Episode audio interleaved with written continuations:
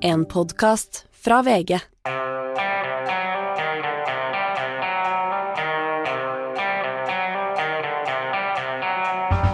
Ikke visste jeg at alle disse dagene som kom og gikk, eh, det var selve uke 47.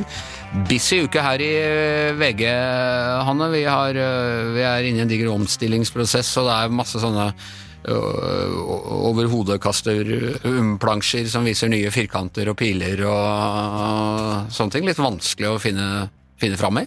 Ja, mye powerpoints. Er mye Men for PowerPoint. å sitere vår gamle sjefredaktør Bernt Olufsen, forandring er verdens gang.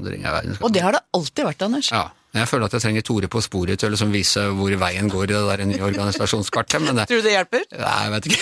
Vi får se. vi får se. Det skal vi snakke litt med, med Gard om seinere eh, i, i denne sendinga. Men det er jo også Vi er jo eh, inne i tungsesong for eh, amerikanskimporterte høytidsdager. Ja. Vi har vært gjennom eh, halloween. Eh, Feirer du halloween? Setter du ut gresskar og gir godteri til unga?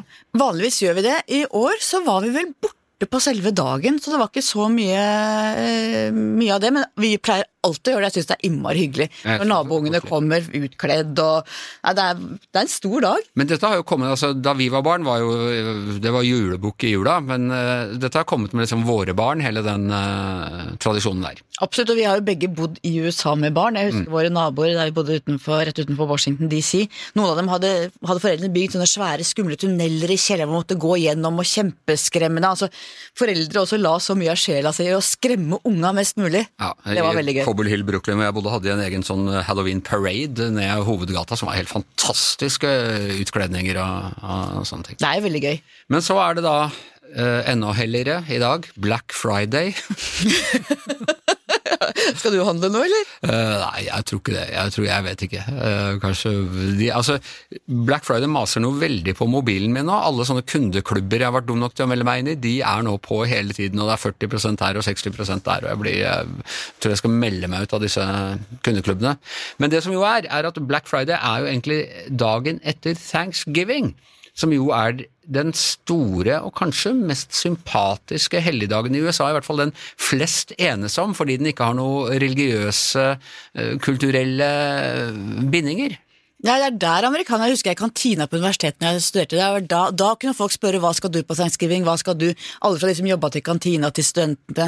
For, for andre ting er Man drar alltid hjem på Man drar alltid hjem på thanksgiving, for at andre ting var liksom god jul, god id, var, man var ikke helt sikker på hvilken religion folk hadde, det var litt mer vanskelig, men thanksgiving det var det som samla absolutt alle. Folk, dro hjem, og det var mye kjærlighet og varme, det er ikke gaver, det er ikke penger, det er rett og slett bare å samles rundt et bord, holde hverandre i hendene og snakke om hva man er takknemlig for. Og så er de veldig inkluderende. Vi ble flere ganger invitert til andre, og de var litt bekymret for at vi dumme nordmenn ikke hadde noe å gjøre. og Vi hadde annet en av barnehagelærerne til min eh, yngste sønn, som ut ute på Long Island inviterte oss. You wa- eh, Do you want to experience a Jewish American Thanksgiving? It's crazy, but you might like it.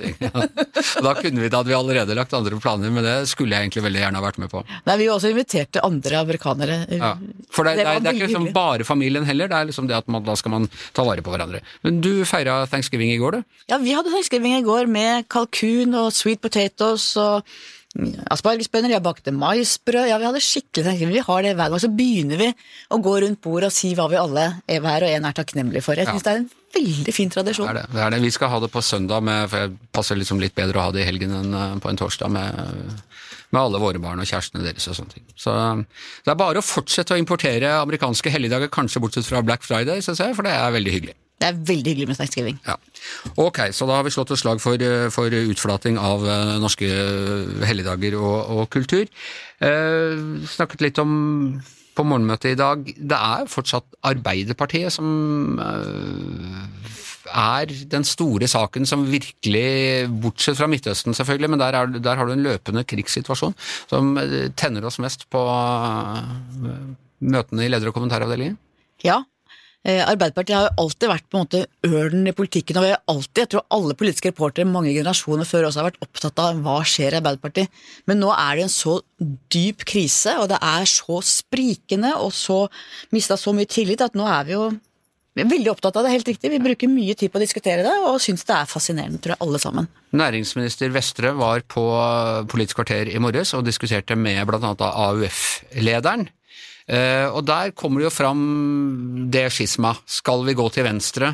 Skal vi gå mot høyre? Vestre er jo inne i en sånn hvor jeg snakker pent om de som skaper verdier og Litt seint kanskje, men litt, dog. litt seint etter å ha fremstilt dem som baroner og hertuger og, jeg vet ikke hva. Men han eh, står i, i hvert fall for den, prøve å, å trekke Lilla-velgerne hjem. Raymond Johansen han var ikke innom, han var saksa fra en annen podkast, faktisk, hvor han eh, snakket om at eh, man måtte bygge en allianse, ikke bare mot venstre, men også mot eh, miljøbevegelsen. Prøve å holde Senterpartiet inne i denne alliansen, og dermed få til en blokk som eh, kunne utfordre høyresiden. Hva tenker du om det? Jeg tenker Det er et stort dilemma for Arbeiderpartiet, som Raymond Johansen her peker på. fordi at eh, Senterpartiet, eh, tror jeg, er de som på en måte har virkelig ødelagt bildet av Arbeiderpartiet som styringsparti og som reformparti. Samtidig så veit de jo i Arbeiderpartiet at hvis de bryter den regjeringa, så er det stor risiko for at Senterpartiet ikke med en gang, men etter hvert vil gå over til høyresida. Og da kan Arbeiderpartiet virkelig måtte vente lenge før det igjen får et flertall bak seg som gjør at de kan være i regjeringskontorene. Og det er jo marerittet. Arbeiderpartiet er fryktelig dårlig i opposisjon, det har vi sett gang på gang. Ja, Og før de kom i regjering nå? ikke så veldig gode i posisjon heller. Nei, det, vi, trodde jo alle, vi trodde jo alle at Jonas Gahr Støre var en dårlig opposisjonsleder, men at han virkelig ville komme til sin fulle rett Mm. han endelig ble statsminister. Det hadde han i seg. Not. Nei, ikke foreløpig i hvert fall. Men, eh, men, eh, altså, men har ikke Raymond eh, Johansen et poeng når det gjelder f.eks. Senterpartiet, at ja, få er mer avhengig av statlig inngripen enn de gruppene Senterpartiet først og fremst henvender seg til? Altså, norsk landbrukspolitikk det må man kunne si er en raus eh, politikk finansiert av eh, det offentlige. og de har jo eh, ikke egentlig noe med eh, Høyre og Frp å gjøre der. Nei, men samtidig Nå blir sikkert mange i Senterpartiet sinte på meg, Ja. men samtidig så Det har de er- aldri vært før, så det, det er veldig synd at du skal nå fornærme denne gruppen som er så trofast har sluttet opp om deg Ja, bestandig. ikke sant? Poenget er at De er kjempegode på å forhandle, og de har noen få hjertesaker som er veldig viktige for dem. Det er distriktspolitikk og landbrukspolitikk. og Det betyr at de kan egentlig være sammen med nesten hvem som helst, for at det er det, de gir nesten alt på andre områder. Så at også med en høyreregjering vil jeg tro at de hadde fått gjennomslag for veldig mye i landbrukspolitikken, fordi de hadde gitt fra seg så mye annet på alle andre områder. Ikke alle, da, men mange. Som var viktig for Høyre. Så at Senterpartiet er faktisk et reelt sentrumsparti som har vært styrt med begge sider i Norge gjennom alle år. Men eh, Trygve Slagsvold Vedum, som vel definitivt tilhører hva skal vi si, sentrum av Senterpartiet, eh, for du har jo både en venstre og en høyrefløy høyre fløy der, han har vært ganske tydelig og jeg vil si ganske god i sine konfrontasjoner med eh, Sylvi Lysthaug f.eks., men også eh, Erna Solberg, og på å tydeliggjøre hva han mener eh, er forskjellen. Jeg tenker at Senterpartiet har mer å hente på det samarbeidet og har fått mer ut av det nå enn det Arbeiderpartiet har gjort. Absolutt, og det ser vi jo. Alt fra kommunesammenslåinger til landbrukspolitikk til altså De har fått masse gjennomslag. Høyskolesektoren, alle disse tingene. Og dagens Senterpartiledelse, eh, Marit Arnstad, en som jeg tror aldri ville gått med på et Høyre-samarbeid, så dagens Senterparti har jo bundet seg veldig til det rød-grønne. Men vi vet jo også at det er ulike krefter i Senterpartiet, og at de over tid kan gå nesten hvor som helst. Ja. Og hva tror du om eh, SV? De har jo manøvrert seg veldig bra under denne regjeringen, og vi satt her i dette studioet og var skeptisk til eh, lederskiftet i SV, og Audun Lysbakken var så flink og, og sånn, men det viste seg at SV gjør det fortsatt bra under sin nye leder. Har de noe særlig å tjene på å gå om bord på dette synkende skipet som kaller seg Det norske Arbeiderpartiet? På ingen måte. Jeg tror de er så fornøyd med det valget de tok på Hurdal da de trakk seg fra regjeringsforhandlingene og bestemte seg for å gå i hva skal jeg si, opposisjon-posisjon. eh, At de skulle være samarbeid, men ingen forpliktende avtaler, ingen Og forpliktelser. cashe inn bare på godsaken. Cashen og- bare på godsaken, og de vet at da lager dagens regjering et budsjett hvor de på en måte må legge noen sånne gevinster til SV, så SV får Ja, noen penger de ikke, liksom ikke gir først, og så går SV ut med brask og bram, og så får de de penga likevel. Ja, som jo betyr at SV får veldig mye av gevinsten for en politikk som også egentlig Arbeiderpartiet er for, men ikke har kunnet vise så godt at de er for. Så Arbeiderpartiet er en kjempeskvis fra alle kanter, og klarer tydeligvis ikke å komme seg ut av den gjørma de nå sitter fast i. Men er det noen av oss, og vi som er liksom forstår seg på, på sidelinjen og sånne ting, som har noe særlig god, godt råd? Altså jeg, føler alltid når folk eh, skal forklare hva Arbeiderpartiet ja, de må gi, de må, de må igjen, de må skape en ny fortelling, de må ta tilbake ditt og da. Altså veldig sånne luftige, retoriske grep eh, som etterlyses, og veldig lite konkret politikk. Ja, og det er jo veldig ofte sånn at vi kommentatorer og andre forteller mye om hva de gjør gærent. Ja. Uten at vi kan peke på hva de bør gjøre som er riktig. Ja. Men jeg tror nok både Og gjerne etter at de allerede har gjort det gærent, ikke nødvendigvis akkurat når de er i ferd med å gjøre det. Nå er vi på et viktig punkt med i selverkjennelse her, Anders Vi er så selvkritiske her i Gjevrøyen, og kommer Gard også etterpå, skal vi være enda mer Ja, ja. selvkritiske. Nei, men det er klart at de, har, de spriker veldig, og så har de jo klart å fornærme både liksom næringsliv, og de har mista den styringsevnen som de eller Folk har alltid stolt på at Arbeiderpartiet kan styre gjennom dårlige tider. Det styringsgreia har de mista nå, også med at de har skjøvet fra seg store deler av næringslivet. De har ikke klart å sette en retning. Hør nå til bare hva de har gjort gærent. Ja, ja, ja. Men, jeg, men jeg tror nok Jeg tror at for Arbeiderpartiet det å måte, gå mer inn mot er lilla velgere de har mista. Det å gå mer inn mot sentrum igjen og på en måte bli et bredere, mer ansvarlig parti også på den sida. Ikke som Peggy LO-lederen sier, at du skal liksom ta kapitalisten og kjøre på. Det tror jeg er et veldig dårlig råd. Det tror jeg Rødt og SV eh, klarer utmerket godt på egen hånd, mens Arbeiderpartiet er et annet sted. Så var det som eh, Hans Petter eh, påpekte på morgenmøtet vårt i dag, eh, så sent som eh, valget i 2015 så var de oppover mot eh, 30% I mange land i Europa, bl.a. i Sverige, så gjør sosialdemokratene det bra. Så dette med at så ser man jo noen land hvor eh, det store sosialdemokratiske partiet bare har forsvunnet helt. Israel, eksempel.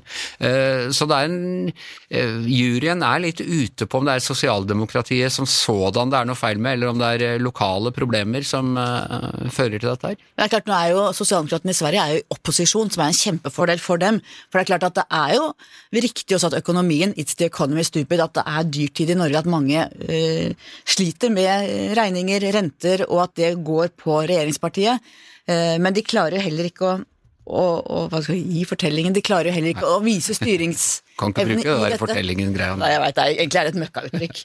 Du, apropos det, jeg alltid, og særlig gjennom min kone, som er så irritert på det economy stupid-greia, men jeg leste en interessant artikkel i New York Times denne uka om økonomien i USA går jo eh, relativt bra. Ikke sant? De har fått eh, kontroll på inflasjonen, og det er bra sysselsetting, og i det hele tatt. Folk føler likevel at eh, økonomien eh, går veldig dårlig, hører på Trump-retorikken og sånne ting. Samtidig opptrer de som om den går bra.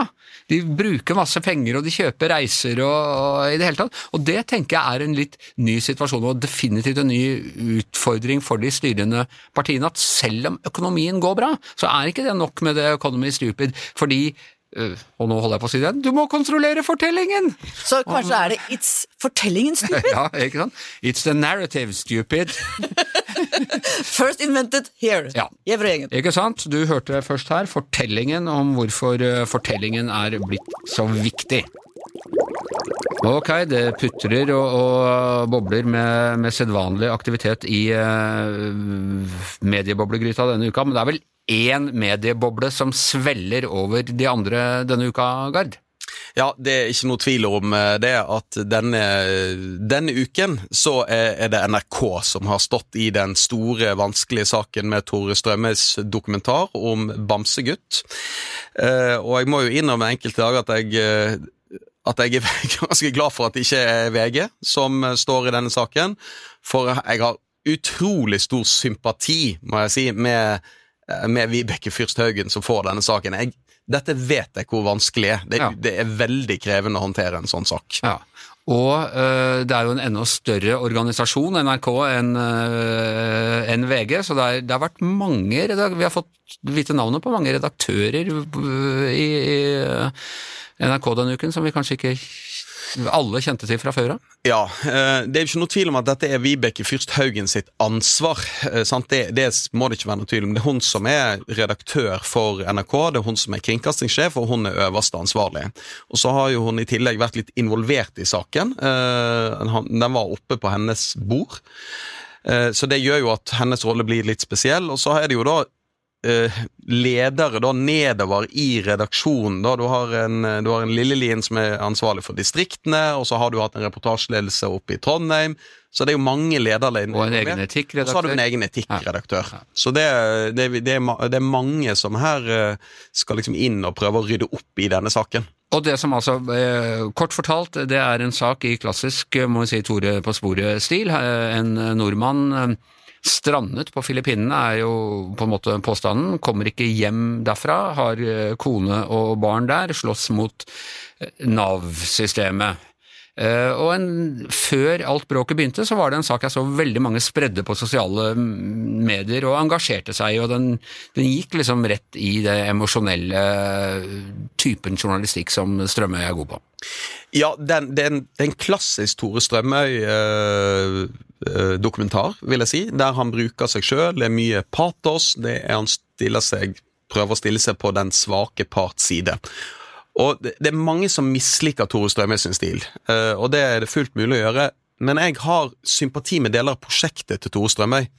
Og alle de som kritiserer denne serien òg, bør ta inn over seg at Tore Strømme er nok en journalist som mange av de som havner utenfor, uh, på utsiden av samfunnet, de som sliter med noe gjennom hos Nav eller hos uh, andre ja, i det offentlige systemet, der gjør Tore Strømøy, kan Tore Strømøy og han, de som jobber på samme måte som han, gjøre en viktig jobb. Så vi skal passe oss for at vi liksom ikke Vi må anerkjenne den delen av prosjektet, selv om du kan mislike form og virkemidler, og at Så var det jo åpenbare problemer med denne dokumentaren i tillegg. Men det er, altså før vi går inn i detaljene her, men det er vel av og til litt problemet når man går inn i det segmentet av befolkningen som sliter mest med det offentlige, med Nav, med trygd, med eh, alle sånne ting, så er ikke alltid tingene så sort-hvitt som det hadde vært. Det hadde vært veldig enkelt hvis det var det. Hvis det var sånn Charles Dickens at uh, noen mennesker bare ble skjøvet ut i kulden og vi kunne hjelpe dem inn igjen.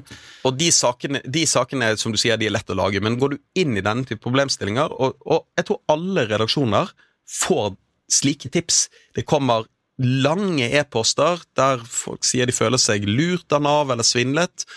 Og utfordringen er at mange av disse har en broket fortid. De er ikke nødvendigvis sympatiske i, sånn, De fremstår ikke sympatiske når du skriver ut uh, livshistorien deres. Uh, men de er jo likevel viktige saker å formidle og ta opp, da, og det må, vi, det må vi prøve å gjøre. Og jeg har sagt det når jeg har fått spørsmål om dette, at vi skal jo i kritikken av Tore Strømme og ta inn over oss at det var ikke vi som i mediene som oppdaget denne store Nav-skandalen. Det fins masse eksempler på store offentlige skandaler, eller masse, det fins iallfall eksempler på det, der folk har vært i kontakt med mediene i forkant, prøvd å si ifra, og ikke nådd fram. Ok, så går vi, altså Etter at denne var publisert, hadde fått uh, mye, mye, oppmerksomhet, så er det uh, kollega Kristina Pletten i Aftenposten, uh, vanligvis skriver utenriksstoff og tidligere korrespondent og sånn, som skrev en ganske skarp kritikk av medieetikken, eller den manglende medieetikken som lå til grunn her. Hun tok, Det var foreløpig da bare det rent etiske i måten denne faktisk uh, saken var fremstilt på, og kanskje da særlig behandling av uh, barn, altså Bamsegutt sin sønn. Ja, jeg er ikke overrasket over at Kristina Pletten skrev den uh, kommentaren. Jeg kjenner henne godt fra Jeg jobbet sammen i mange år, og hun er jo en veldig hun er en skarp kommentator og en, og en, erfaren medieleder. Hun har ledet undersøkende prosjekter i sin tidligere rolle som eh, for, for, som reportasjeleder. Men det, hun tar opp tre punkter uh, i denne, og, uh, og, det ene er at hun mener at man har ikke tatt tilstrekkelig hensyn til Bamsegutt sin manglende medieerfaring. Hun mener at Tore Strømøy går ut av rollen som journalist og går inn i en aktivistrolle. Og så er det det punktet der jeg mener kritikken hennes treffer aller best, som er det aller mest klart diskutabelt. Det er eh, identifiseringen av Bamsegutt sin sønn. Han er mindreårig, eh, og bare det at han er mindreårig gjør at presseetikken maner til ekstra varsomhet. Men i tillegg i denne saken så dukker det jo opp at det, har vært en, vært en bekymringsmelding til barnevernet. Og Da er det, da det, da er det vil ikke si et rødt flagg, men da skal iallfall alle alarmklokker kime i medier. Hvis du identifiserer en mindreårig der barnevernet har vært inne i den type sak. Det, er, det, det står eksplisitt i det vi sier er punkt fire og åtte i, um, i Vær varsom-plakaten står det barns identitet skal som hovedregel ikke røpes i familietvister, barnevernssaker eller rettssaker. Så her er etikken veldig tydelig. Og det, det, er Grunnen til at det er så tydelig, det er at man ha, ha, kan, hadde jo en tendens eh, tidligere en periode, og uh, i barnevernssaker, at foreldre da, som kan bli fratatt barna sine eller barnevergene over til omsorgen, står fram sammen med sine barn og det er veldig farlig. sant? Altså Der skal man tenke på Selv om, selv om foreldre og de foresatte sier dette er helt greit, så skal mediene være, vise ekstra varsomhet. Så er det da, Dette var fredag. Dagen etter så er det aktivister må man nesten si, på nett, bl.a. fra dette miljøet rundt en nettside som kaller seg Nabovarsel, som har funnet fram eh, en gammel overgrepsdom mot Bamsegutt, eh, over 30 år gammel, eh, men som på den tiden var omtalt i eh, pressen, og de har klart å koble det, og det begynner å dukke opp folk også da som hevder at de var eh, noen av de som ble utsatt for eh, overgrepene den gangen. Ja, Ikke bare hevder, vi vet jo det. At, ja, men Jeg vet jo ikke alle, om alle nei, som nei, hevdet det på nettet, det var, da, men så har man Det var seks ofre den, den gangs, barn som der han ble dømt for overgrep mot dem. Og jeg har lest den dommen, og det er, det er, altså, det er alvorlig overgrep. Mm. I dag så ville man bli dømt strengere for det, men Ja, det vil jeg det, vil, sånn som jeg, det har jo vært en utvikling i straffenivå for den type, og straffeloven er jo òg endret, så i dag tror jeg at dette ville blitt en strengere dom eh, enn det han fikk den gang. Så skal ikke jeg konkludere på det, men det var sånn jeg leste dommen, at her tror jeg straffenivået har endret seg såpass at dette ville blitt annerledes i dag.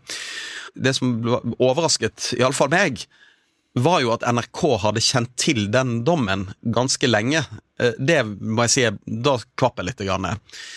Eh, for det her er det, det, det er to problemstillinger som blir veldig um, Som blir veldig vanskelig for NRK å håndtere. Da.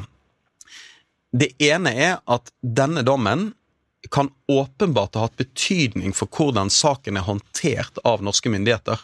Og Da tenker jeg særlig på denne barnevernsproblematikken. Det sies jo i dokumentaren at det var barnevernssaken var jo en medvirkende årsak til at familien dro til Filippinene i utgangspunktet. Når du ikke får vite det som seer av øh, dokumentaren, så er det jo en, en, opplysning som mangler for at du skal gjøre opp, kunne gjøre opp din mening av hvordan norske myndigheter har håndtert dette.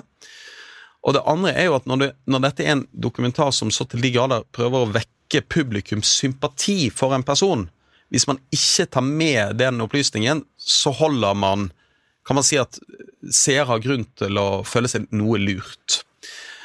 Eh, og så er det jo, vil jeg jo si at det er, jo òg et problem for hovedpersonen sjøl.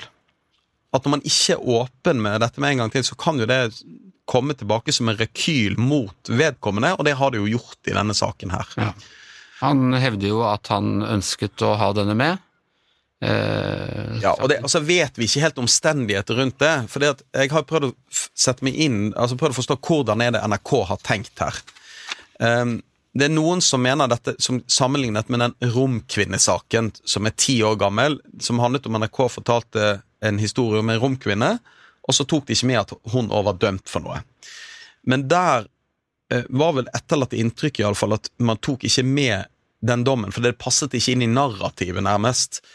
NRK sin begrunnelse denne gangen er, er annerledes, vil jeg si. Eh, og det er, handler jo om De snakker om hensynet til ofrene i denne saken. Det argumentet syns jeg er ganske det, det, er jo prisverdig å tenke på ofrene, men her virker det som ofrene egentlig syns at denne dommen burde vært med. Og det andre som er jo hensynet til hovedpersonen sjøl, og det de sa, var jo at han hadde ikke fortalt om denne dommen til sin nærmeste familie. Jeg mener NRK tok Jeg forstår, jeg forstår på en måte dilemmaet at dette er vanskelig, uh, men NRK burde åpenbart De hadde to valg.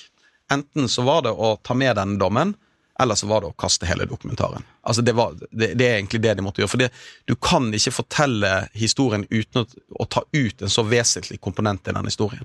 Det som i stedet skjedde, var at de avpubliserte historien, som vi jo kan gjøre i våre dager. Den var ikke lenger tilgjengelig. Samtidig så var det dukket opp da en spleisaksjon for å få uh, Bamsegutt med familie hjem.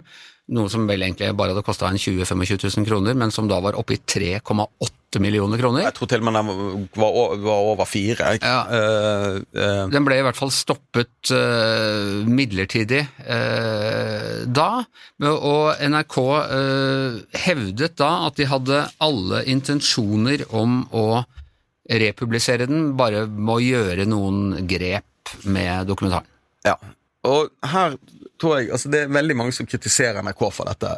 Jeg, jeg tror man, Hvis man er, har vært relasjonell leder, så forstår man her er det veldig mange hensyn og veldig mange personer som skal snakkes og diskuteres med så involvert i denne saken. Det å håndtere noe sånt før publisering kan være vanskelig. Det å håndtere noe sånt etter publisering er forferdelig krevende.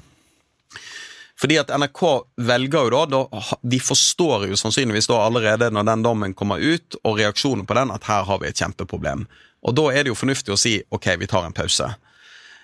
Men eh, Og så kan jeg tenke meg at her har det vært ulike meninger internt i NRK. Noen har ment at det var helt, Kanskje noen mener til og med NRK at det var helt riktig å ikke ha med dommen. Ja. We stand by our story. Ja, stand by our story. Andre mener at hele saken ikke burde vært publisert i det hele tatt. Du har jo en programskaper, du har andre journalister som har vært involvert i denne saken, du har redaksjonelle ledere som har tatt beslutninger, og du har omdømme å tenke på. Du har en familie sitter på Filippinene du skal hensynta, og da ofrene i saken du skal hensynta. Alt dette skal koordineres det, I løpet av en helg. i løpet av en helg, og det er vanskelig. Eh, Men det, jeg, jeg tror NRK valgte riktig eh, beslutning da de sa at dette, republi- dette, må vi, dette går ikke. Og Det er fordi at det ville nær sagt ikke vært nok å bare opplyse om denne dommen og legge den inn på en måte i starten av dokumentaren og fortelle at, om dommen. Fordi at jeg mener du må også i intervjuene med Nav intervjuene med barne, når de snakker om barnevernssaken, med advokatene, så må de spørre om denne dommen. Altså Kildene må få lov å kommentere. De må få spørsmål har denne dommen påvirket denne saken. Bekymringsmeldingene. For eksempel, sant? Og de må jo gjøre nye intervjuer òg med familien og han må få mulighet til å kommentere det. Sånt det er jo, de måtte jo Dette var ikke, i hvert fall ikke gjort i løpet av en uke. Da måtte, da måtte de gjort veldig mye på nytt. Så jeg tror dette var Når du først sier at denne dommen måtte vært med, så er det nesten umulig å bare gjøre dette ved å flikke på eh, dokumentaren. Og så raser debatten alle steder, her, eh, der, overalt. NRK tar eh, da selv opp dette i debatten. Der stiller det to redaktører, etikkredaktør Kalbakk og distriktsredaktør Lillelien, men ikke kringkastingssjefen.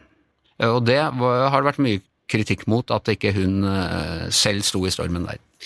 Ja, og det, jeg, det, det, det er en helt legitim kritikk, mener jeg, at, at når er det den øverste leder skal ut og, og kommentere en, en sånn sak?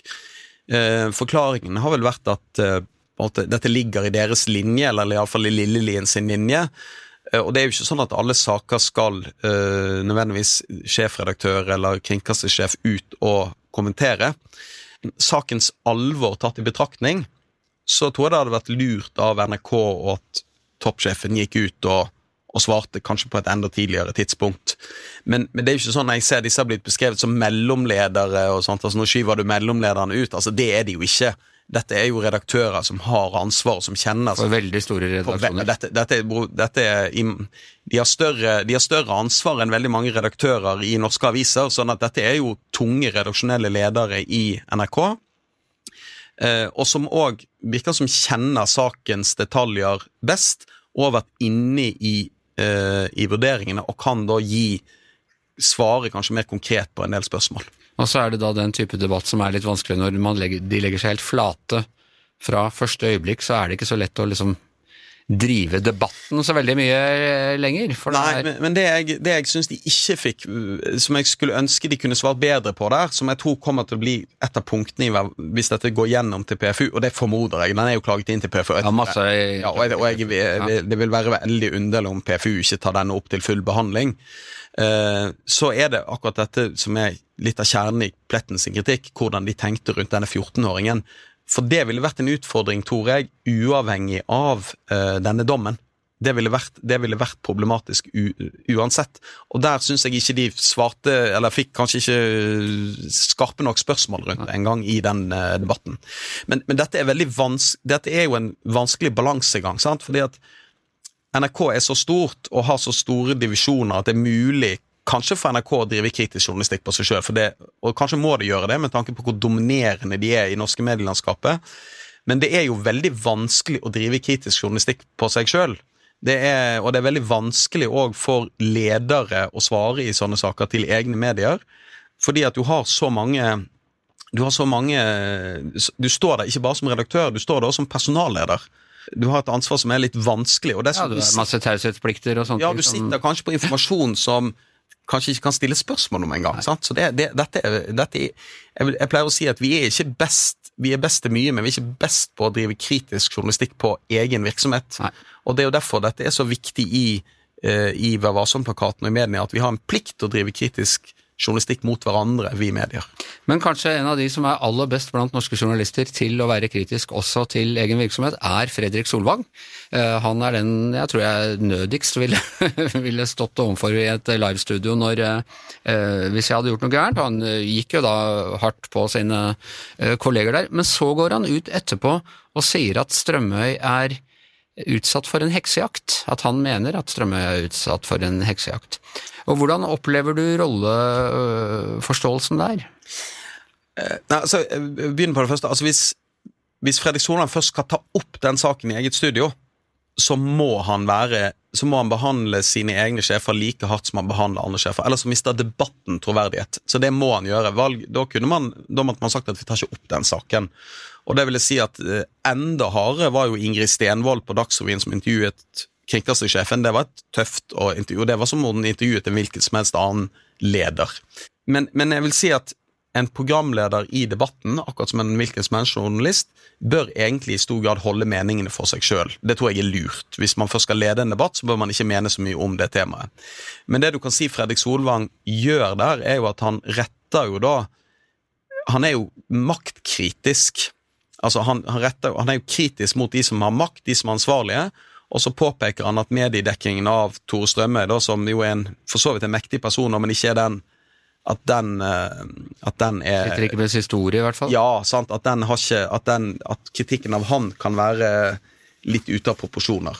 Jeg reagerte ikke så mye på det, men, men, dette er jo noe som er vanskelig for journalister. Sant? At Vi har jo ofte meninger om saker, uh, men når vi skal prøve å være når vi skal være objektive og nøytrale i saker, så kan vi ikke gi uttrykk for disse meningene. Og Det er òg noe av kritikken av Tore Strømme i denne saken. Sant? Det var at han gikk ut av eh, rollen som journalist og gikk inn i en rolle der han skulle være eh, hjelperen til Bamsegutt. Det tror jeg hadde vært mulig å gjøre. Altså, Jeg tror det er fullt mulig. Vi ser mange eksempler på at journalister som går inn i en sak med en veldig klar intensjon, og så er de åpne om det. Vi, vi pleide å ha en spalte som het VG hjelper deg, som ja. gikk på akkurat de tingene, hjelpe til i byråkratiet. Ja, og det ser du jo. TV 2 hjelper deg, mm. har du, og du har, du har ganske mange saker. og du har også vi har jo hatt en sak som ble klaget inn for PFU, der vi skrev om homoterapi, der Morten Hegseth var programleder og hadde en veldig klar intensjon og rolle med den saken. Og det er masse saker òg blant de i, der man har aktivister som har filmet på bl.a. dyrevernsaktivister som har gjort opptak ute på, ute på, på gårder og dokumentert griser som blir behandlet uh, dårlig som man likevel lager journalistikk av det. Men det som blir veldig rart i den dokumentaren, det er jo at Tore Strømme, mens han er aktivist, ringer opp sin egen etikkredaktør og intervjuer Kalbakk og spør om han kan få lov å starte en spleis. Og Kalbakk sier at du kan ikke gå ut av journalistrollen, og likevel gjør han det. Det fremstår veldig utydelig for oss, for da måtte det vært et veldig tydelig premiss fra Tore Strømøy at i denne rollen så er jeg på Bamsegutt side min intensjon med denne dokumentaren, det er å få han hjem. Ja, Og særlig da når, når en del vesentlige opplysninger er eh, utelatt. Du, så etter disse debattene og sånn, så bestemmer NRK seg for at eh, de, den er, den er trukket, den skal ikke vises mer.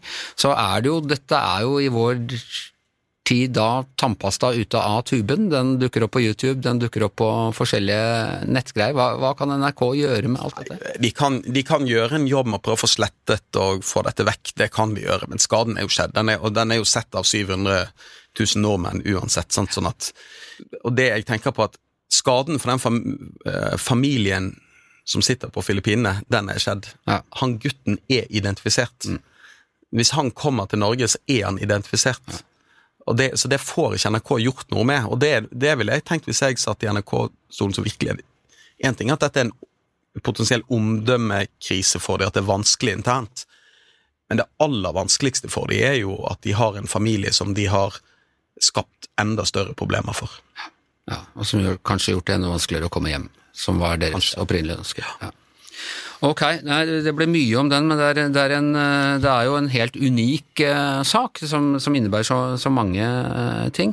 Neste uke så er det mm, møte i Pressens faglige utvalg, og den kommer neppe opp allerede da, eh, for det, sånt tar jo tid, men vi har et par saker som skal prøves der, eh, Gard. Ja, vi har to saker eh, som skal opp. Den ene er konen til forsvarssjefen, som har klaget oss inn i forbindelse med at vår omtale av eh, at forsvarssjefens bror eh, leide et rom i hennes leilighet i en periode, og at dette ble dekket av, da, av Forsvaret som en sånn pendlerleilighet. Eh, Det har vi omtalt, det har hun klaget oss inn for. Hun eh, mener bl.a. at det var feil å identifisere henne i den saken, at hun ikke er noen offentlig person. Og så er vi klaget inn av forfatter eh, Hilde Rød Larsen, som jo har latt seg intervjue og vært en av frontfigurene, vil si, i sakene om en psykiater da, som er anklaget for å ha begått kritikkverdige forhold. Og hun har klaget oss inn, og kjernen i hennes klage er at hun mener at hun sto fram i VG på feil eller falske premisser. Hun mener at hun, hun ble stående alene i denne, i denne saken for lenge, og at hun mente at VG eh, lovet henne at her skulle komme flere saker om denne psykiateren fortere enn det det gjorde. Ja. Det er kjernen i kritikken. Så vet jeg at du ikke vil si noe særlig om de sånn før behandling, for dere har gitt tilsvar og alle mulige sånne ting. Men er det mulig for folk flest å gå inn og lese sakspapiret før en uh, Ja, ikke alt, ikke alt men, det, men det legges ut resumeer. Presseforbundet legger ut resumeer på en del saker. Så lenge de er offentlige, så kan man lese en del av dette i forkant. Eh, Men man får ikke vite hva PFU har innstilt på eh, videre. Og så kan jeg si hvorfor vi ikke kommenterer dette. Og det er, det, er for, av, det er av hensyn til klagere. Det er én ting at de har klaget oss inn, eh, det men det er òg av at vi er, vi er veldig opptatt av den selvdommen og har respektere den. Og vi ønsker ikke å drive noe forhåndsprosedering i sånne saker offentlig. Folk må gjerne diskutere og mene noe om det, men vi er veldig tilbakeholdne med å kommentere det utenom det rent faktuelle. Ja. Og eh, så får vi heller kommentere dette etter at PFU har trukket sin beslutning. Og det er jo sånn selv om vi argumenterer for vårt syn i sånne saker, så hvis PFU kommer til en motsatt konklusjon, så respekterer vi den konklusjonen. Ja. Og neste uke så har vi da, har de antagelig da kommet til konklusjon. Da kan det jo bli spennende, da kan vi snakke om det neste uke. Har vi noe på, på agendaen da, Gard? Det har vi, Ja. definitivt. Ok, Gjevergjengen er over for i dag. Tusen takk til eh, Hanne Skartveit, Gard Steiro, jeg heter Anders Giæver, og mannen som aldri har begått et eneste etisk overtramp, i hvert fall ikke her inne i dette studio, er vår produsent Magne Antonsen. Du har hørt en podkast fra VG. Ansvarlig redaktør, Gard Steiro.